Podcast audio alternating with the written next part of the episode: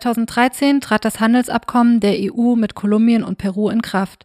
Vier Jahre später trat auch Ecuador dem Abkommen bei. Schon damals machten zahlreiche zivilgesellschaftliche Organisationen auf die Gefahren des Freihandels aufmerksam, während die EU die Chancen betonte, die das Abkommen für die Entwicklung der südamerikanischen Staaten bedeuten würde. Doch wie ist die Situation heute? Ist das Abkommen den Erwartungen in den letzten zehn Jahren gerecht geworden? Oder hat es zu mehr Ungleichheit und Umweltproblemen geführt? Darüber haben wir mit Enrique Daza aus Kolumbien und Ana Romero aus Peru gesprochen.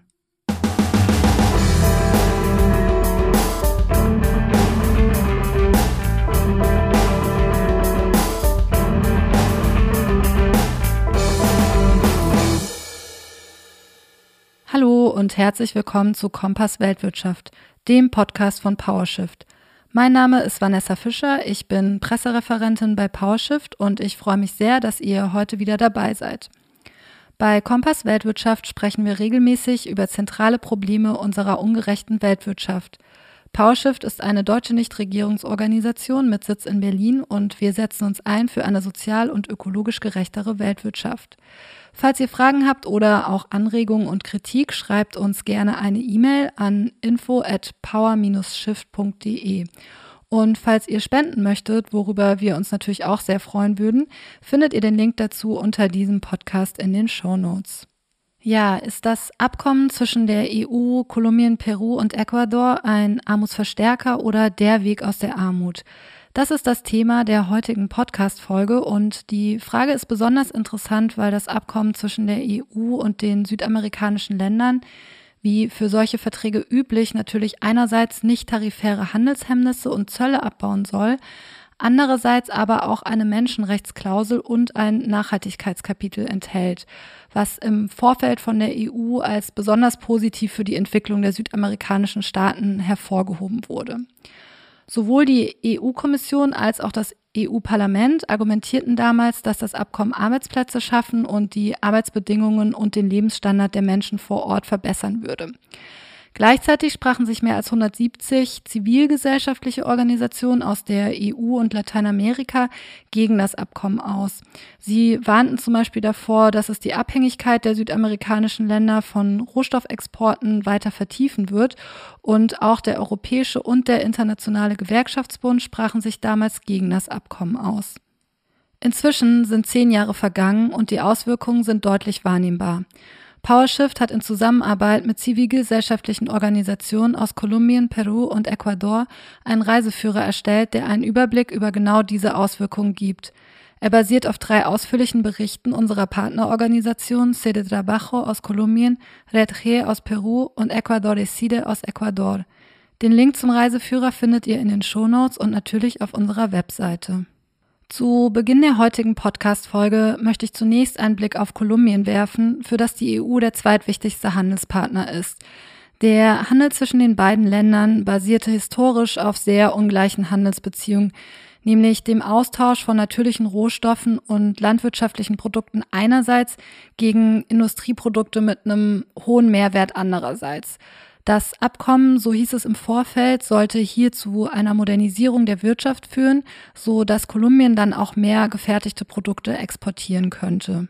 Ob das Abkommen diesen Erwartungen gerecht wurde, haben wir Enrique Daza von Sede Trabajo in Kolumbien gefragt. Enrique, wie hat sich das Abkommen in den letzten Jahren auf den Handel in Kolumbien ausgewirkt?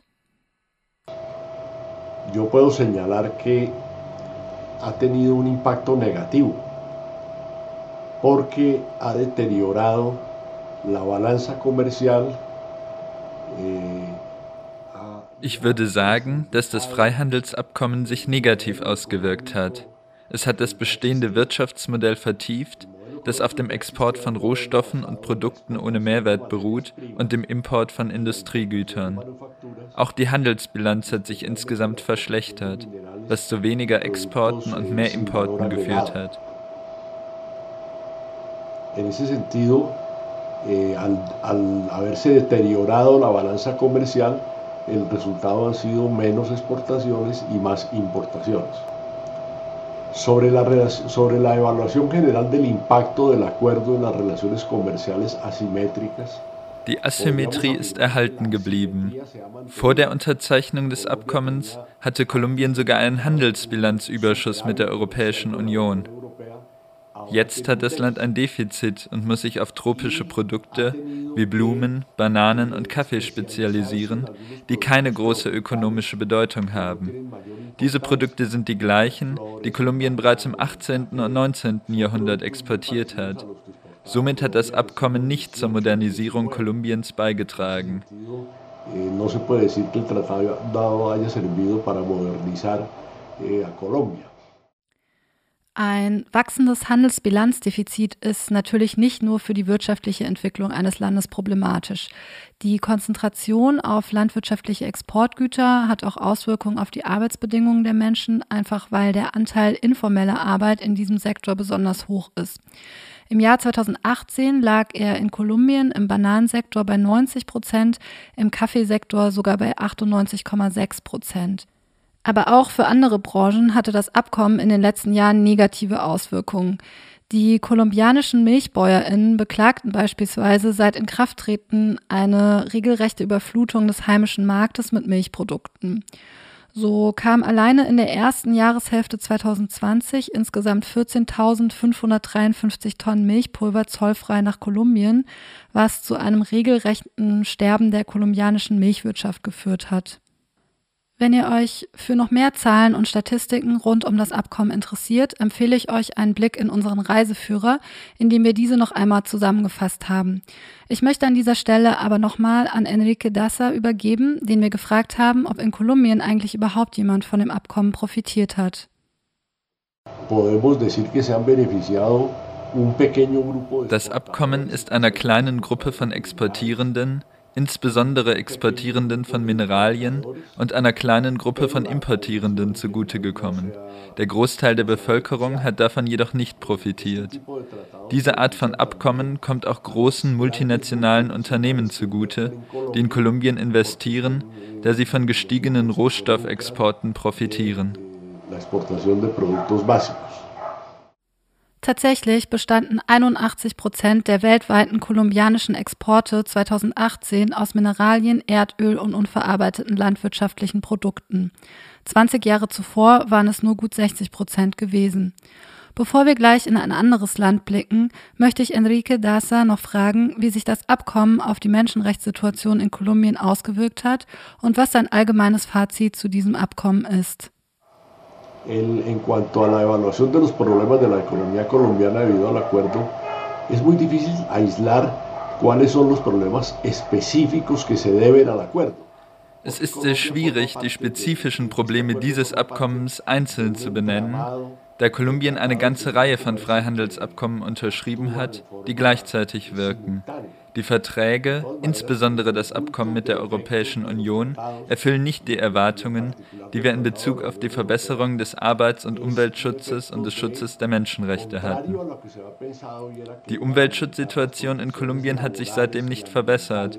Die Abholzung der Regenwälder geht weiter, die Menschenrechtsverletzungen gehen weiter, Gewerkschafterinnen werden weiterhin ermordet und die Gewerkschaften, die das Potenzial hätten, sich gegen den Staat zu wehren, sind heute schwächer denn je. Nur etwa 2% der Arbeitskräfte sind gewerkschaftlich organisiert und werden Opfer von Misshandlungen aller Art.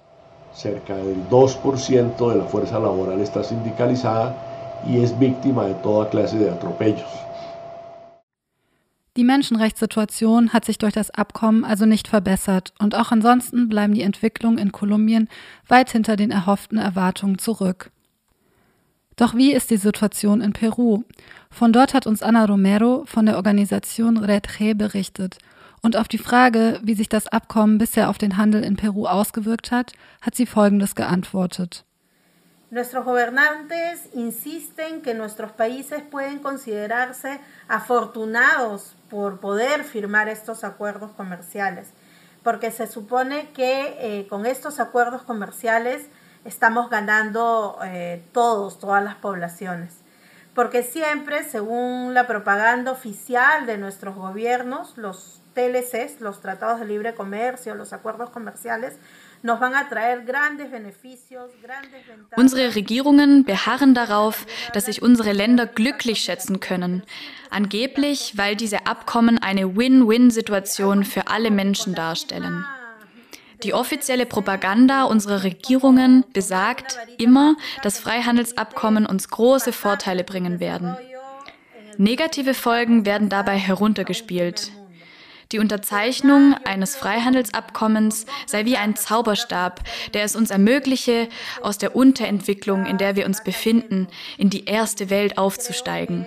Aber diese Idee fällt nach zwei Jahrzehnten der Handelsliberalisierung in unseren Ländern bereits in sich zusammen. Denn wir sehen die tatsächlichen Auswirkungen dieser Handelspolitik heute deutlich.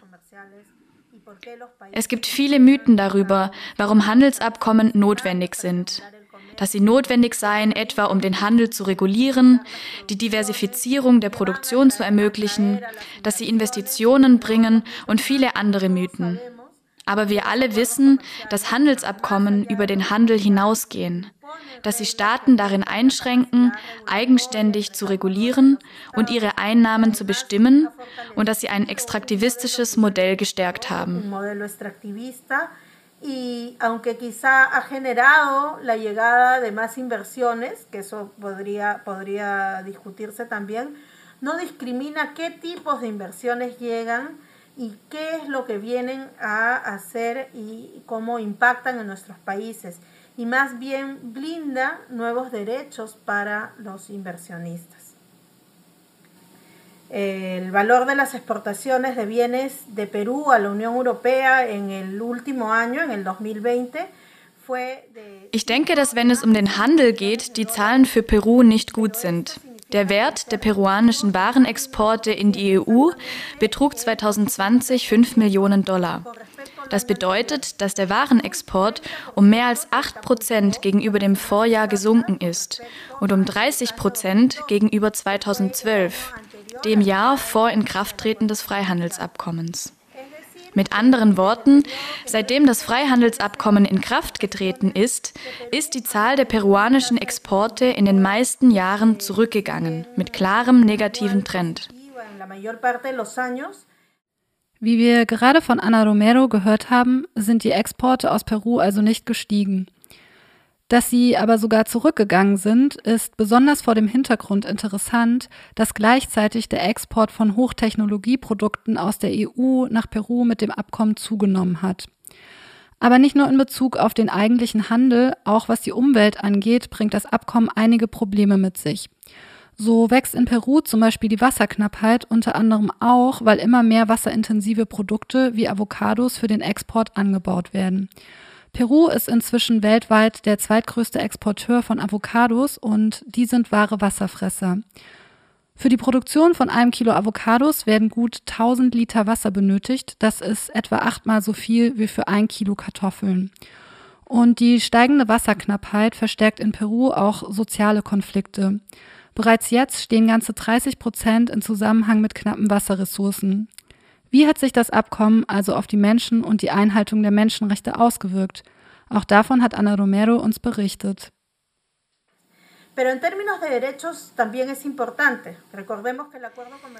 Das Abkommen ist auch in Bezug auf die Rechte der Menschen wichtig.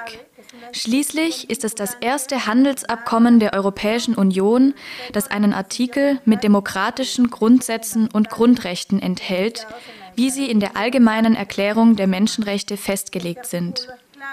Dieser Artikel ist von zentraler Bedeutung, denn er beinhaltet, dass eine Nichteinhaltung dieser Verpflichtung durch eine der beiden Vertragsparteien einen erheblichen Verstoß gegen das Abkommen darstellt.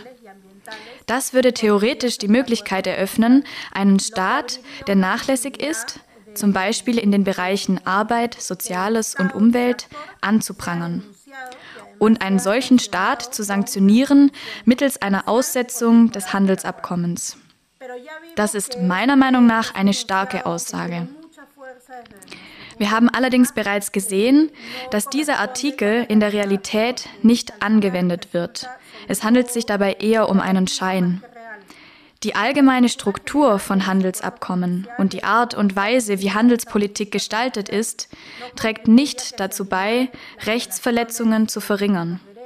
Im Gegenteil, ich bin der Meinung, dass die unbegrenzte Förderung von Großinvestitionen oft zu einer Verschärfung sozialer Konflikte beiträgt, die letztlich zu Lasten der Bevölkerung gehen. In Peru hat die Menschenrechtsklausel in Artikel 1 des Abkommens Ana Romero zufolge also noch keine Anwendung gefunden. Ich möchte zum Schluss noch einmal auf das Nachhaltigkeitskapitel eingehen, das in dem Abkommen enthalten ist und die Einhaltung von Umwelt- und Arbeitsstandards sicherstellen soll. Um dem jahrelangen Protest der Zivilgesellschaft zu begegnen, hat die EU in neueren Handelsabkommen oft ein Nachhaltigkeitskapitel eingefügt und über dieses Kapitel verpflichten sich die Vertragsparteien eigentlich zur Einhaltung der international gültigen Sozial- und Umweltstandards, wie zum Beispiel der ILO-Konvention oder des Pariser Abkommens. Zudem soll auch die Zivilgesellschaft mehr Teilhabe, zum Beispiel durch Beratungsgremien, erhalten. Und davon haben tatsächlich auch schon ein paar zivilgesellschaftliche Organisationen Gebrauch gemacht. Im Oktober 2017 haben in Peru 27 peruanische und 14 europäische zivilgesellschaftliche Organisationen eine Beschwerde gegen die Regierung eingereicht. Hauptbeschwerdepunkt waren die Nichteinhaltung von Mindestarbeitsstandards und gewerkschaftsfeindliche Maßnahmen sowie die Flexibilisierung der Umweltstandards. Wir haben Anna Romero nach ihren Erfahrungen mit dem Nachhaltigkeitskapitel und den Ergebnissen der Beschwerde gefragt. Ninguno de ellos ha servido realmente para garantizar eh, estos enunciados. Yo creo que en, en la lectura eh, son muy, muy determinantes, ¿no? Dicen mucho, o sea, dicen que ninguna legislación debe ser eh, flexibilizada, ¿no es cierto? Dice que la sociedad civil tiene que participar. Ich denke aber, dass die Versprechungen dieser Artikel nicht eingehalten wurden. Sie wirken auf den ersten Blick sehr stark. Sie sagen, dass keine Gesetzgebung flexibilisiert werden sollte, dass die Zivilgesellschaft beteiligt werden muss und sie sprechen von einem Dialog, um dieses Abkommen zu überwachen. In der Praxis zeigt sich jedoch, dass diese Paragraphen keine Garantie dafür sind, dass ein Dialog mit der Zivilgesellschaft auch wirklich stattfindet und dass nicht doch Umwelt- und Arbeitsschutzgesetzgebung verwässert werden. In Peru wurde Klage gegen die Regierung eingereicht, weil die Flexibilisierung der Umwelt- und Arbeitsvorschriften gegen das Abkommen verstößt. Die erste Antwort der EU-Kommissarin Malmström fiel recht positiv aus, da sie auf die Bedenken der Zivilgesellschaft hinwies und einige der Aussagen unterstützte. Dennoch wurde letztlich kein Ergebnis erzielt, das die Einhaltung des Arbeits- und Umweltschutzes, wie er in dem Abkommen festgehalten ist, garantiert. Es ist nämlich so, dass das Nachhaltigkeitskapitel keinen klaren Mechanismus zur Beilegung von Streitigkeiten enthält, der zu wesentlichen Änderungen führen könnte. algún cambio sustancial que garantice el cumplimiento de las obligaciones que están descritas en este acuerdo. Eh, y eso pasa porque eh, el acuerdo, y este capítulo especialmente, no tiene un claro mecanismo de resolución de disputas que justamente conduzcan a estos cambios sustanciales.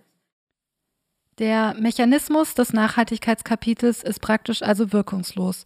Nicht nur in Peru, auch in Kolumbien und Ecuador unterblieben Maßnahmen gegen Vertragsverletzungen deshalb bisher. Und damit sind wir auch schon am Ende der heutigen Sendung angelangt. Wir haben heute erfahren, dass von dem Abkommen einige wenige Agrarexportsektoren profitieren, die jedoch große Umweltprobleme und schlechte Arbeitsbedingungen mit sich bringen. Die Andenländer wurden weiter zu Rohstofflieferanten degradiert und die globale Ungleichheit sowie die Ungleichheit innerhalb der Andenländer haben dadurch weiter zugenommen. Den Reiseführer zum EU-Kolumbien-Peru-Ecuador-Abkommen und weitere Publikationen findet ihr auch auf unserer Webseite unter power-shift.de. Falls ihr Fragen zur heutigen Folge habt oder auch allgemeine Anregungen, schreibt uns gerne. Die E-Mail-Adresse findet ihr gemeinsam mit allen anderen Links unten in den Show Notes. Wir würden uns freuen, wenn ihr diesen Podcast abonniert und auch beim nächsten Mal wieder einschaltet. Vielen Dank, dass ihr heute dabei wart und bis bald.